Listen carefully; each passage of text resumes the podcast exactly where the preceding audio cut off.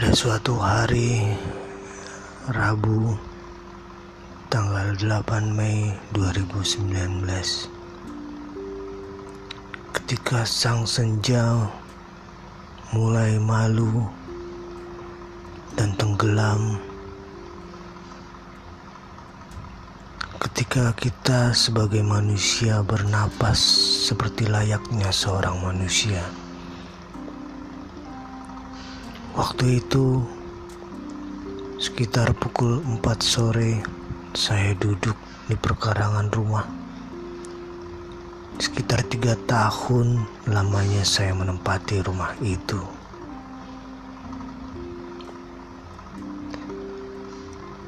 Ketika saya bernafas, entah apa yang merasuki saya sehingga saya bernapas layaknya bernapas pasir. Pasir yang saya hirup sangatlah tajam.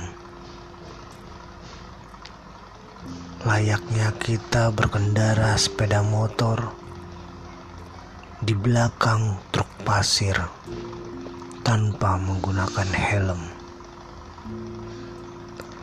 Rasa pasir yang sangat tajam menusuk masuk dalam hidung saya. Setiap kali saya bernapas, pasir itu yang masuk. Saya mencoba menenangkan diri untuk tahu apa gerangan yang terjadi.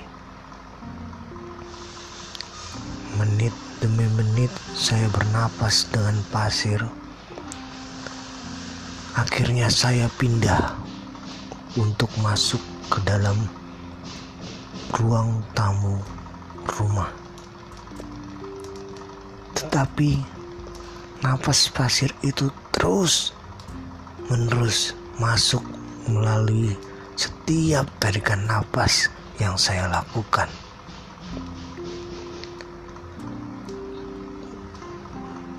Menit demi menit hingga akhirnya mencapai satu dan dua jam saya bernapas terus menerus pasir yang masuk. Ketika dua jam berlalu akhirnya saya bernapas normal seperti layaknya manusia pada umumnya saya tidak tahu apa yang terjadi pada diri saya. Kenapa saya bisa menghirup sebuah pasir yang di yang di sekitar rumah saya tidak ada pembangunan apa pun. Saya tidak paham itu semua. Tiba pada malam hari, Mendadak diri ini menjadi sakit dengan panas suhu tubuh yang begitu tinggi. Saya tidak tahu penyakit apa yang menjalar dalam tubuh ini. Hingga saya tak bisa terbangun dan saya pun memutuskan untuk tidur lebih awal pada pukul 10 malam.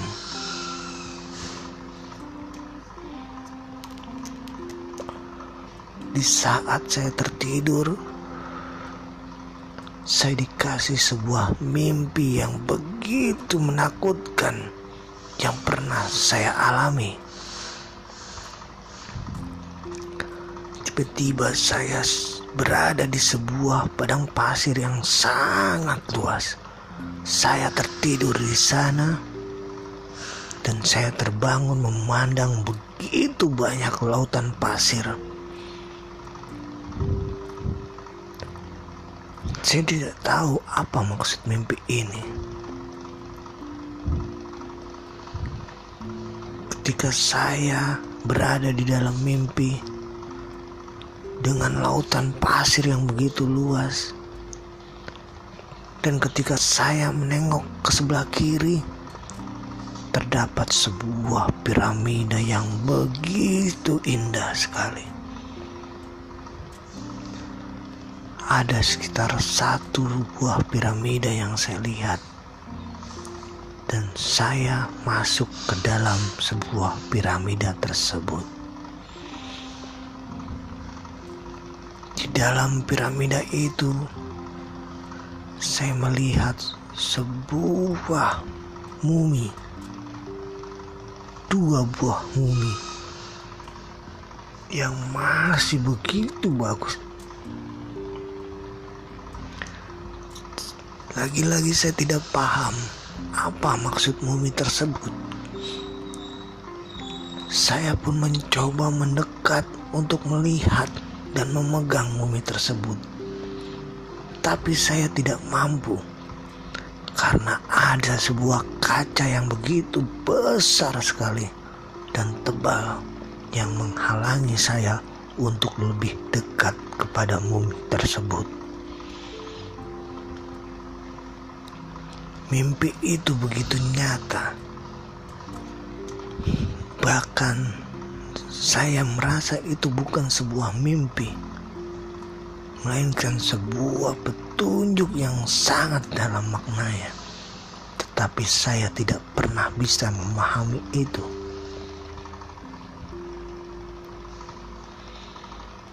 Ketika mimpi itu usai, paginya saya terbangun dan saya sembuh total. Demam saya turun dan saya kembali sehat. Mungkin makna dari mimpi itu yang sampai detik ini saya belum dapat memahaminya bisa menjadi sebuah pelajaran untuk kita semua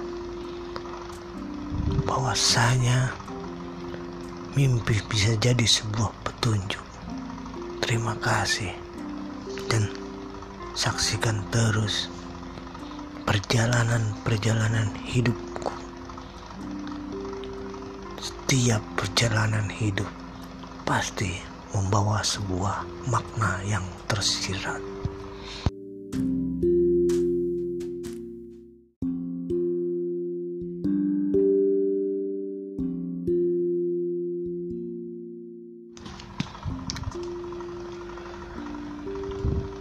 Selamat sore menjelang malam para pendengar setia SSK Kenanga Ungu. Saya ingin menceritakan sebuah kisah di mana kisah ini merupakan pengalaman hidup yang pernah saya lalui. Kejadian ini sekitar satu tahun yang lalu ketika hendak menjelang asar saya beribadah sholat asar.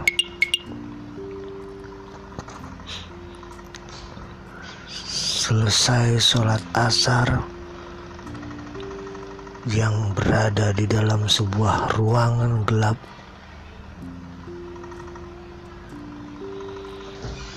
tiba-tiba sebuah sinar yang begitu terang masuk ke dalam kamar yang saya tempati. Seketika itu pula kamar itu berubah menjadi sedikit terang seperti layaknya mesin scanner yang sedang memindai sebuah bahan untuk di-scanner. Lagi-lagi saya tidak mengerti dan memahami makna dari sinar tersebut yang masuk ke dalam kamar saya ketika saya selesai melakukan sholat asar. Saya pun mengamati sekeliling kamar dan mencari sebuah sinar itu. Yang saya takutkan adalah sebuah penampakan yang tiba-tiba muncul di hadapan saya. Lima menit berlalu, sepuluh menit berlalu, saya pun tidak menemukan apa-apa. Rasa penasaran di dalam diri semakin bertambah untuk mengetahui maksud dari sinar itu yang datang menghampiri saya. Lalu, menjelang maghrib, ketika saya ingin melaksanakan sholat maghrib, entah apa lagi yang merasuki saya, sehingga saya bisa melihat sebuah kursi yang begitu indah. Kursi yang berwarna emas terang tanpa seorang pun yang duduk di kursi tersebut. Saya pun kaget. Saya terpelongo karena saya seumur hidup saya tidak pernah melihat hal-hal mistis yang seperti itu. Saya pun mencoba menggunakan logika untuk menghilangkan itu semua. Tapi apa daya, kursi itu semakin dekat dan semakin terang. Lalu saya berpikir, siapa yang duduk di sebuah kursi itu, sehingga kursi tersebut menampakkan diri kepada saya. Lagi-lagi saya tertegun, terpelongo, dan tak mampu mengucapkan apa-apa. Yang ada hanya diam dan tertegun. Betapa indahnya kursi tersebut dan berdiri tepat di hadapan saya. Setelah kursi itu muncul dalam beberapa menit, dalam beberapa jam, kursi itu menghilang entah ke mana. Dan saya pun semakin penasaran. Apakah ada hubungannya dengan sinar yang tadi sore mampir ke dalam rumahku? mampir ke dalam kamar yang begitu gelap dan berubah menjadi terang. Entahlah, lagi-lagi ini sebuah perjalanan hidup saya. Lagi-lagi ini teka-teki yang terjadi dalam hidup dan perjalanan hidup yang saya lewati.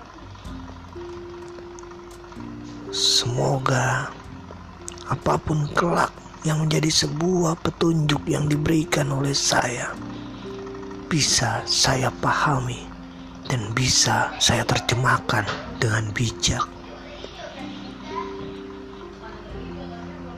Dan pada malam harinya di saat hari itu juga tiba-tiba cerita ini bersambung para pendengar setia SSK Kenanga Ung Saksikan kelanjutannya di episode berikutnya.